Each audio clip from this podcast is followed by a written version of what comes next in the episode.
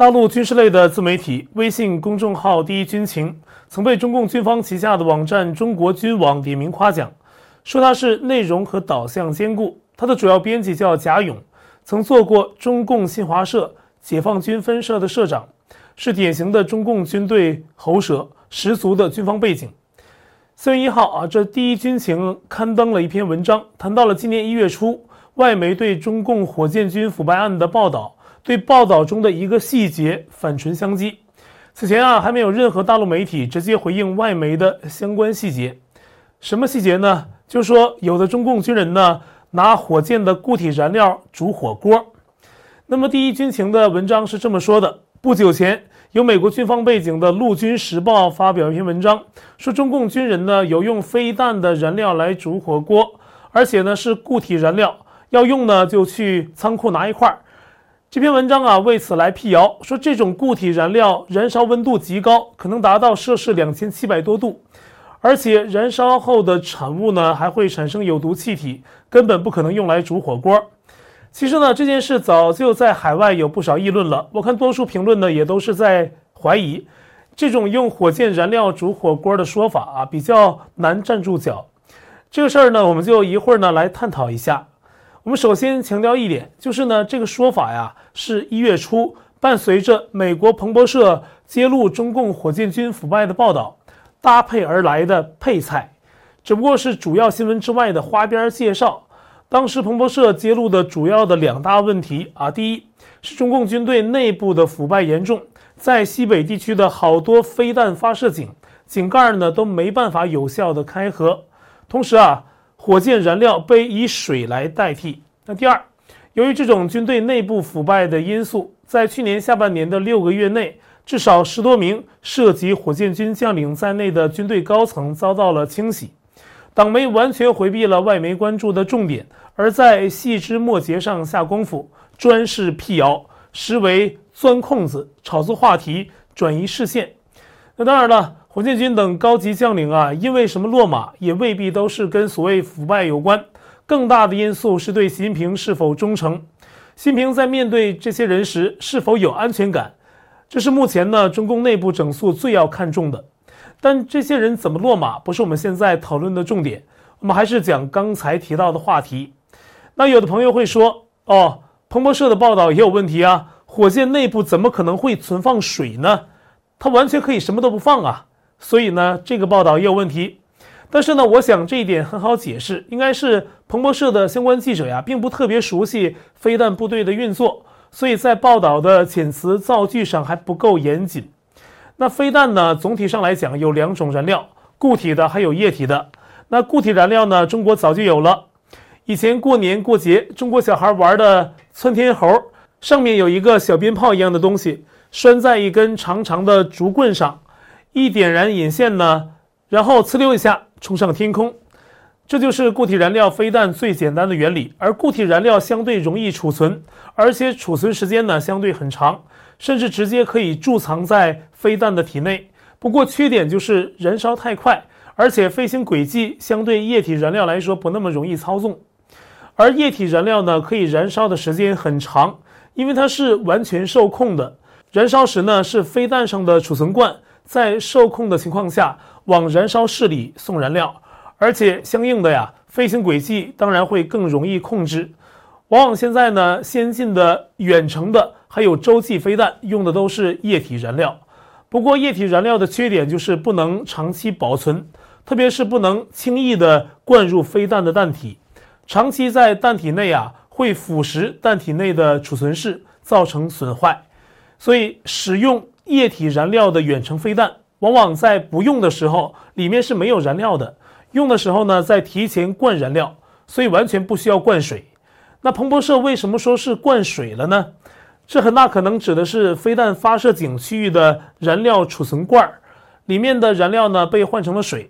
因为共军长期不打仗，而液体燃料呢还有一个缺点，就是容易过期，而且保质期呢还比较短。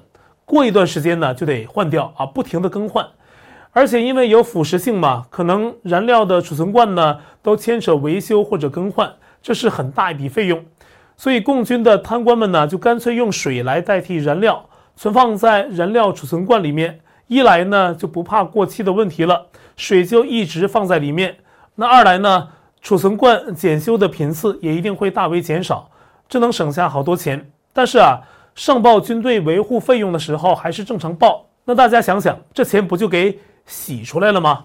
不用燃料而用水，省下的大笔金钱就被贪污走，挪作他用，这完全是可能的。而且这种脑筋啊，我想在中共各个军种里都有，只是现在外界还不知道，他们一定都有各自骗军饷的窍门。那这个问题呢，我想说清楚了啊。所以啊，包括飞弹燃料被以水代替等关键的彭博社报道，中共官媒完全不敢回应，但是啊，却挑着配套而出的其他消息玩辟谣，这种小动作很可笑。但既然他提到了，我们也来看看。共军用飞弹燃料吃火锅的消息是怎么来的？这种燃料是不是能用来吃火锅？在一月六号彭博社的记录报道出来之后，一月八号，自由亚洲采访了旅居美国的前中共海军官员姚成。他说：“中共军队腐败早已是家常便饭，除了部队首长之间的吃喝送礼享乐，都从装备部的拨下来的军费里面拿，拿的是公款，还有其他各种滥用经费的形式。”这就造成基层的中共军队的装备经费不够用，有些必要的物资都不够啊，怎么办呢？就从军用物资里拿。那这时候啊，姚成举了两个例子啊，你一个就是说呢，部队家属去做饭没有燃料了，就去飞机的油箱里放油出来，用这种油烧饭，那火焰都是绿色的。他说呢，也没什么味道。这一点呢，我特意查了一下，有比较懂行的朋友说呀，这倒是有可能。比如呢，有一位当过兵的朋友说，喷射机的油主要是煤油。以前他跟自己的营房长官要油，本来呢是要用来清洗身上的柏油污渍，结果呀，长官给了一脸盆的油，用不完呢，所以就拿来当烧油灯使用。所以啊，要看当时共军家属他们用的是哪种飞机油，拿来烧饭啊，这不是没可能的。那最主要的争议呢，在另一点，也是被大陆第一军情抓住的那一个，是姚成说。他知道有军人在部队吃火锅，会把飞弹用的那种固体燃料啊一块块拿出来煮火锅吃。他说他本人呢就常到军械库啊要这种一小块圆圆的燃料，想烧火锅的时候啊就拿一块出来。他说这种固体燃料啊价格昂贵，但是部队士兵缺少物资就用这个东西，甚至呢有时还拿来送人送人情。我看除了这篇大陆公众号的报道在挖苦这种说法之外，这点在海外的评论区也有太多的人提出质疑，认为不太可能。火箭固体燃料啊，燃烧起来十分危险，温度极高，哪怕只有一小块用来烧火锅，都是很要命的。而且呢，还有有毒气体产生，这有点难以置信啊！我也没有答案，我们就一起来探讨。首先啊，姚成说的那个固体燃料是一小块圆圆的形状，这其实很可能已经限定了。这种燃料所应用的飞弹不一定是那种大型的飞弹武器，或者说一定不是，也可能是单兵作战用的肩扛式的便携飞弹，它里面呢也是有固体燃料的。那其中啊就会藏有圆柱形的燃料药柱啊，医药的药药柱，而且往往中间呢是镂空的，那有镂空成圆形的啊，有多角形的、长方形的一条哈等等，因为呢它是从中间向四周燃烧。随着燃烧时间越久，过火面积呢就越大，释放的能量也就越大，所以推进能力也会不断增强，小飞弹越飞越快。那么再有一点啊，就是这个药柱会是什么成分？如果是现代使用的非常高能的药柱，也许真的要在火锅和性命之间做个选择。但如果是早期中共这种小型飞弹的燃料呢？中共早年呢就有这种单兵使用的便携飞弹。比如一九八零年代的九 K 三八针式防空飞弹，还有两千年代开始使用的飞弩六型便携式防空飞弹啊，这种飞弹呢，甚至被中共偷偷的出口给叙利亚政府军，当成军火偷卖。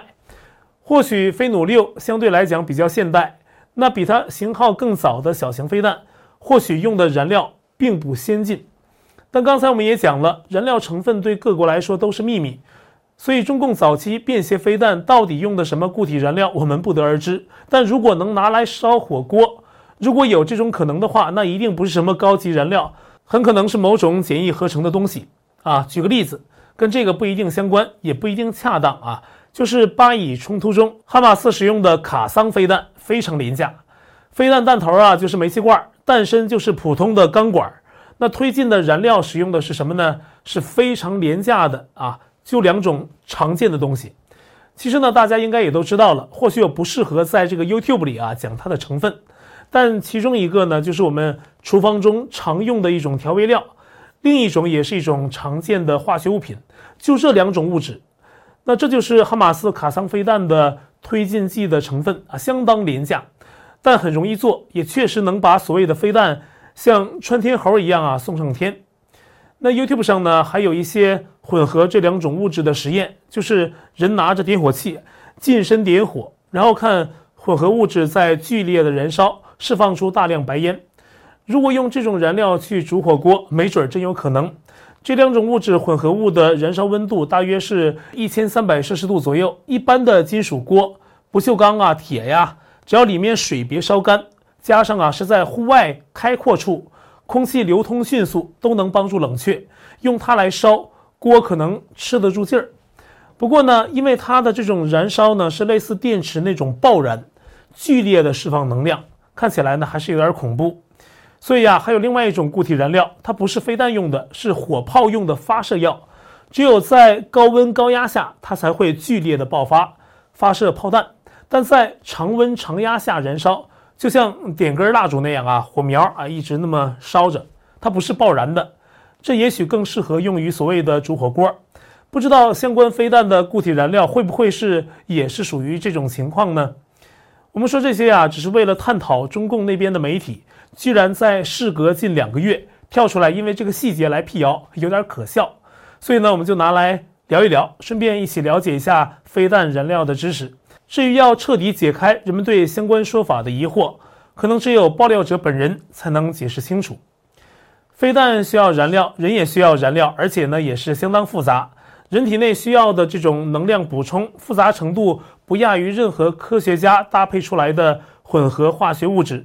各类元素啊数不胜数，比如，Omega 三，它是一种不饱和脂肪酸，在鱼类、贝类、藻类这种海产品中含量很高。它对于防止发炎、增强免疫、孕妇的产前产后的进补、保护心脏以及大脑和神经的发育都有好处。还有可以从大豆、玉米等植物油中摄取的 Omega 六，也是对心脏有帮助。那欧米伽三还有欧米伽六都不是身体自行产生的。身体能自行合成的是欧米伽九，它能对胆固醇去坏存优，有助减少心血管疾病的风险。还有欧米伽七，两千零八年才发现，它可以维持人体消化道的机能，调整体质，增强体力。以上这些元素在普瑞堂植物鱼油中啊都能得到补充。它的原料来自被禁用化肥农药的韩国红梅山，从那里生产的马齿苋还有紫苏籽中提取。采用低温超临界二氧化碳萃取技术，得到其中高浓缩纯净的欧米伽三六七九，比大多数通过分子蒸馏技术的萃取方式要纯净许多，所以功效突出，口碑很好。美国德州一对夫妇服用普瑞堂植物鱼油九十天之后，胆固醇还有血压都降低了。那洛杉矶八十七岁的黄女士服用两瓶之后呢，胆固醇回归正常。韩国五十五岁的安女士手脚发麻的症状得到改善，睡眠也好了。那购买普瑞堂植物鱼油，您只要点击我节目下方的购买链接，再输入优惠码 DY 二零二三，就能享受全球免费邮寄。还有四百年古法纯手工制作的普瑞堂玄宝黑参口服液，经过九蒸九铺，营养吸收是一般红参的六倍，非常适合体虚繁忙、压力大、劳务繁忙的朋友，还能抗癌抗炎。补肾强心，促进头发生长，益寿延年。我把这款产品的购买链接也放在节目下方，购买时输入 DY 二零二三，同样可以享受全球免费邮寄的实惠。那中共那些高官呢？各种特供营养品一定是吃了不少，非常注重保养。像胡锦涛之子胡海峰这样，刚五十一岁就满头白发，实在是太少见了。不是日理万机，工作压力大，就可能是在习大爷的领导下。唯唯诺诺、郁郁不得志所致。那么，先前在浙江丽水小城一直当市长的他，今年初啊，终于被调入京城做官，是中共民政部的副部长。本来外界以为要终老丽水的他，没想到还有这样一个进京的机会。对极力打击团派势力的习近平来说，能让团派大佬胡锦涛的儿子终于能调进中央工作，实在让人有种剧情走样的感觉。不知道胡海峰自己是不是从这种错愕中走出来了？根据中共民政部官网三月一号的报道，中共民政部与浙江省政府在杭州召开民政工作定期协商机制的第一次会议。那主持会议的就是民政部的副部长胡海峰。从浙江卫视的报道画面来看，胡海峰在镜头前一直是低头看资料，只是偶尔抬头，似乎是刻意保持低调，给外界展示天然无公害、毫无野心的面貌。这是自保，也是无奈。这点呢，实在是继承了他爹胡锦涛一辈子的谨慎，从镜头上都一览无余。团派这些人呢，都是没有天生红色背景的知识分子出身，对于红色权贵家族来说。只不过是临时的管家公、管家婆，他们如果不能小心侍奉，随时走人。像胡锦涛还有李克强这样能爬上权力巅峰的，也算是没有白白夹着尾巴做人，但最终呢，也是下场凄凉。一个在众目睽睽下被架离会场，一个凄然猝死。那死因啊，至今也没有个明确的说法，被送上了中南海铁链男的雅号。看到此情此景，中国的广大躺平青年们应该能长吁一口气了。在中共国，唯唯诺诺一生，官至常委也不过如此，倒不如做个默默无闻的躺平青年，过着一人吃饱全家不饿的安生日子。在当今这个危机环伺的社会，也算是一种取巧的生活方式。习近平冥冥中啊，这个“平”字原来被赋予了躺平的含义，想必习近平自己啊，肯定想不到。在他治下，很多人现在啊都在不同程度的躺平，就像很火的那部书说的那样，大明朝要亡的时候，所有人都在等着皇上下命令。从胡海峰最近开会的状态来看，眉目间呢并没有显有什么作为的雄心壮志，有的只是安度余生的最低限度的渴求。那这一点上啊，甚至跟一般的大陆贫困家庭都没有任何两样，一个穷在家国理想。一个穷在柴米油盐，悲。但新平当局呢，并不想你把任何不满说出来，不然呢，也不会设置那么多的敏感词，动辄触犯禁忌就要被删帖封号，甚至被请去陪公安聊天中国贵州六盘水市水城区的女企业家马毅加一，想要追讨政府本应支付项目的二点二亿元人民币工程款。却遭到拘留，而政府不能按时支付这笔钱呢？一个重要原因就是公款空虚，诸位贪官又不愿意把钱吐出一些。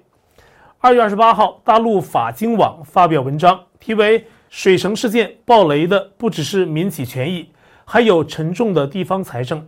那当中提到啊，仅有六十多万人口的水城区，政府各类债务总和在两百亿左右，而财政收入仅有二十一亿，财政支出是五十七亿。财政自给率不足百分之三十七，特别是呢，文章提到了已经落马的六盘水市前市委书记李在勇，在任职期间呢，扩建各种豪奢的设施，令当地新增债务啊超过一千亿元。又提到另外一个官员，同样是四处举债，数目惊人。文章说他们不顾人民死活的程度，恐怕隋炀帝也自愧不如。结果“隋炀帝”一词啊踩到雷了，这是北京中南海那位十分不喜欢听到的名字。好大喜功的隋炀帝早被用来影射当今的他，因此啊，这位皇帝的谥号也成了敏感词。结果这篇文章啊被即刻删除了。不知道因为这起事件，中国是不是会再多出几个躺平的记者？既然没有做什么的自由，那便捍卫不做什么的权利。当批评无路可走，那灭亡啊便将是无路可退的宿命。好，感谢您收看今天的新闻盘惊奇，欢迎您分别关注和订阅我在根据世界，还有 YouTube 上的新闻盘经济频道，也请您订阅我的新频道大宇相对论。更多节目信息，您可以查看我们的置顶留言。那我们下期节目再见。